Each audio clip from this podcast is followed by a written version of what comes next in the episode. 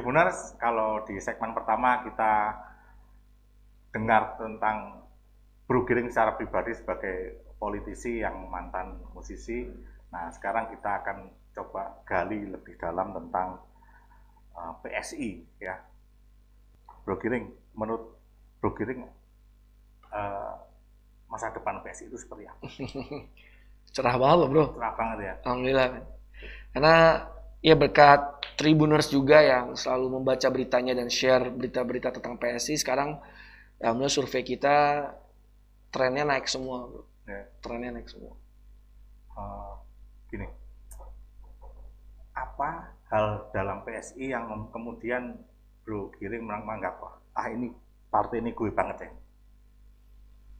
Ya selain value-value yang kita perjuangkan kan, value anti korupsi, anti intoleransi, habis itu juga value-value bahwa mentalnya di PSI itu dari awal mereka masuk ke sekolah kader dan lainnya, itu kita set bahwa kamu masuk ke PSI bukan untuk gaya-gayaan jadi pejabat. Tetapi kamu masuk PSI, kamu harus menjadi public servant, yaitu pelayan publik, pelayan masyarakat. Dan itulah yang sekarang dilakukan oleh seluruh kader kita, baik itu alek-alek kita dan juga seluruh kader kita di PSI. Bahwa kita adalah pelayan masyarakat. Bro Giring uh, suka memantau, uh, mungkin frekuensi memantau pergerakan anggota legislatif PSI di daerah gimana? Ya itu sudah tugas kita kan sebagai ketua umum untuk memantau. Terus dan kita kan juga punya direktorat pembinaan alek dan fraksi kan. Oke. Dan pasti kan kita dikasih report terus. Memantaunya gampang bro, karena kan di PSI satu kita punya aplikasi solidaritas. Oke. Di situ seluruh kada seluruh alek kita akan mensubmit eh, apa namanya laporan kerja mereka. Kedua, eh, mereka juga biasanya juga di WhatsApp grup melaporkan juga eh, kinerja mereka seperti apa. Oh. Jadi kalau mantau gampang sih. Nah ini tentang satu nih tentang politik pencitraan. Saya sendiri saya pribadi menganggap makin lama politik pencitraan itu eh, nggak akan efektif karena orang berbuat bagus sedikit pasti oh ya pencitraan nih Nah, selalu ada tujuan seperti itu. Bro Giring gimana? Kalau menurut saya eh, pencitraan itu kan tidak hanya ada di politik ya bro ya. Ya. Pencitraan itu juga ada di public figure. Pencitraan itu juga ada di perusahaan. Pencitraan itu ada di setiap aspek masyarakat sekarang apalagi eh, bila mereka mau memang mau lebih menonjol lagi di sosial media atau di media yang lainnya. gitu. Jadi menurut saya pencitraan itu sudah sudah menjadi bagian dari kehidupan kita sehari-hari gitu. Makanya kalau kita lagi buka-buka Instagram kan ya basically ya kita lihat lagi liburan ke mana itu pencitraan. Kalau misalnya lagi baru beli apa itu pencitraan. Ya memang sesai apa lingkungan kita memang sudah seperti itu sekarang gitu. Karena generasi muda melihat bahwa ada yang namanya social currency. Social currency itu apa? Ya berapa banyak followers lo, Oke. berapa banyak komen Instagram lo, berapa banyak subscriber lo. Itu semua kan namanya social currency kan. Dan itu sekarang semua orang lagi berbondong-bondong agar bisa memanen social currency sebanyak-banyaknya. Jadi pencitraan di politik itu atau di setiap aspek profesional di kehidupan sekarang udah hal yang ya normal dan biasa. Nah, tergantung pencitraannya apakah mau pencitraannya se ya ya kalau di tribun kan you know lah kalau di media kan mau bad news apa good news ya still news ya kan. Nah pencitraannya mau dipakai apa dulu nih ya kan mau dipakai hal-hal positif atau hal-hal negatif tapi memang ironisnya eh, hal-hal negatif itu kan lebih lebih ini ya lebih banyak dibaca ya gitu kan Lebih banyak petitsinya. Nah, sekarang bagaimana kita sebagai eh, civil society harusnya menggunakan pencitraan untuk hal-hal yang positif. Itu yang lebih penting sih. Eh, berarti memang nggak ini ya PSI tetap memakai salah satu strategi pencitraan itu tuh untuk apa namanya reach out ke konstituen? Menurut saya pencitraan yang paling benar tuh pencitraan kerja ya. Maksud saya ya kerja, kerja yang benar aja. Gitu. Ya kerja yang benar untuk masyarakat, hadir masyarakat, mendengarkan masyarakat, membantu masyarakat. Ya bagi saya itu bukan pencitraan tapi kewajiban. Ya. Dan kalau misalnya segala sesuatu kita lakukan itu masuk ke media, ya alhamdulillah bro. Pernah uh, Bro Giring bicara soal KPI partai ya? Yes. Nah itu gimana tuh? Ya. Di DPSI seperti apa? Apakah termasuk saat tadi yang disebut uh, social currency itu? Kalau di partai sendiri KPI kita di 2021 ini adalah kan uh, pelengkapan struktur di seluruh daerah. Habis itu kita persiapan verifikasi habis itu 2022 itu selanjutnya udah kampanye.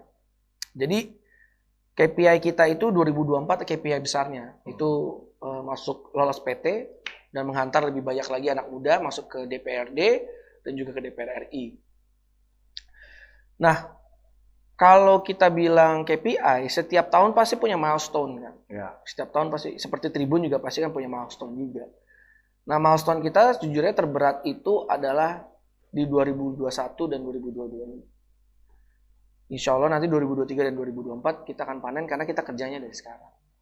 Kesalahan PSI waktu itu, kenapa kita belum diberikan kesempatan untuk lolos di 2019? Karena, karena kita cuma punya waktu yang sangat sedikit untuk kampanye bukan kesalahan partai juga itu kan karena ya itu kan administratif ya iya. karena beratnya administratif waktu itu oleh karena itu kita belajar. Antisipasi aja paling ya. Iya. Waktunya terlalu sedikit. Sekarang kita belajar, makanya kampanye sudah mulai dari tahun lalu, 2020. Gitu. Oke.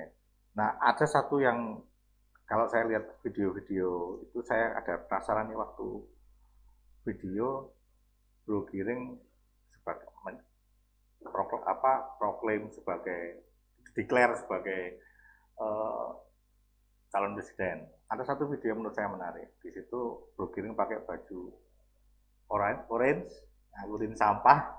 Itu bajunya beli di mana? Itu dikasih bro. Oh dikasih? Sama pasukan orange waktu oh, gitu. Itu video lama bro. Video lama ya. Waktu kita lagi sebelum pilkada bahkan. Itu itu video ketika sebelum pilkada. Pilkada DKI. Jadi cerita oh, gini. Berarti sebelum PSI gabung PSI ya? Iya. Oh, oke. Okay. Jadi ceritanya uh, ibu saya itu pengurus warga, bro.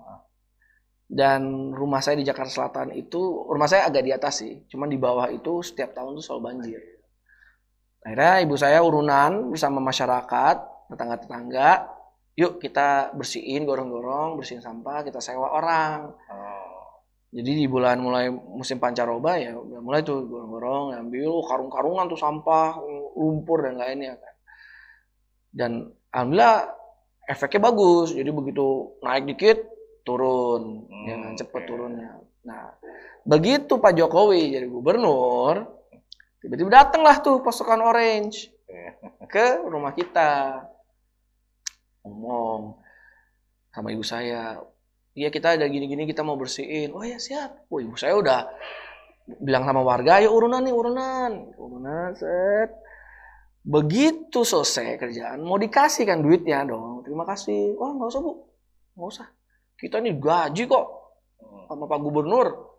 Ya. Udah digaji, anak-anak kita dikasih sekolah, habis itu dikasih BPJS, udah dah nggak apa-apa aman aman aman. Itu ibu saya terharu banget. Gila nih pemimpin nih, luar biasa. Nah waktu itu ibu saya bikinin rendang hmm. buat teman-teman pasukan Orange. Gitu. Jadi saya datang, Sekaligus saya berterima kasih sudah membuat rumah saya bersih-bersih, membuat rumah saya sekarang jadi nggak banjir. banjir gitu. Oleh karena itu boleh nggak saya gantiin selama beberapa menit? Ya udah boleh dong, oh, pakai lah saya baju oranye dan itu pengalaman saya ngerukin kali bro. Itu betis apa apa paha tuh kayak nahan kan nahan biar nggak nyemplung kan. Jadi wah ini tegang banget tuh. Jadi gini pas lagi ngangkat-ngangkat gue ya, saya lihat agak kakok-kakok gitu. gue udah nggak mau lihat tuh apa yang gue wah tiba-tiba yang gue angkat bangkit tikus gitu-gitu. Aduh udahlah udahlah kayak gitu. Iya, jadi ya, ya. dan mereka di sana jadi ngerasa ya saya juga ngerasa bahwa oh, ternyata berat banget ya. Berat banget. Tapi ya bersyukur berterima kasih bahwa waktu itu Ya, waktu itu ya bro ya. Yeah. Waktu itu DKI Jakarta dikelola dengan baik dan benar. Kita nggak usah bicara sekarang. Nggak ya. usah bicara sekarang. Oke, bro, bro Giring, bro, uh, bro Giring, uh, closing statement buat anak-anak muda untuk untuk ya soal politik. Mungkin ini adalah sesuatu yang selalu saya ucapkan ya ketika saya bertemu dengan anak-anak muda kita itu harus cepat-cepat memutuskan mencari peran apa yang bisa kita lakukan untuk bangsa dan negara ini. Misalnya Sis and Bro mau jadi makeup artist, jadilah makeup artist yang terbaik. Sis and Bro mau jadi animator, jadilah animator yang terbaik. Sis and Bro mau jadi chef, jadilah chef yang terbaik. Karena itu juga berarti sis and bro mengambil peran yang penting buat bangsa dan negara ini. Tetapi kalau sis and bro tiba-tiba memutuskan bahwa saya ingin menjadi bagian dari proses perbaikan bangsa dan negara ini, satu-satunya cara ya cuma masuk ke partai politik. Kalau kita mau demo, mau apa pun, ya kita bisa mengeluarkan. Itu hak kita sebagai seorang bangsa dan negara yang demokratis ya. Tetapi kalau mau masuk, mau memperbaiki, cuman masuk ke partai politik. Itu sih, Bu. Mantap. Oke, Tribuners, uh, kita ucapkan terima kasih kepada Guru Giring dan tim PSI Jawa Barat yang sudah berkunjung ke kantor Tribun Jabar. Uh, semoga selalu sukses dan Thank jangan you, lupa jaga kesehatan, Siap. jaga protokol kesehatan. Bro, udah, udah vaksin berarti ya? Sudah dua kali oh, saya. Enak. Dan hampir setiap saat saya uh, antigen. Oh harus dong, iya. harus, harus. Oke, terima kasih Tribunal. Jangan lupa komen, like, dan subscribe uh, channel Tribun Jabar di YouTube, di Facebook, di Instagram, dan lain-lain. Terima kasih.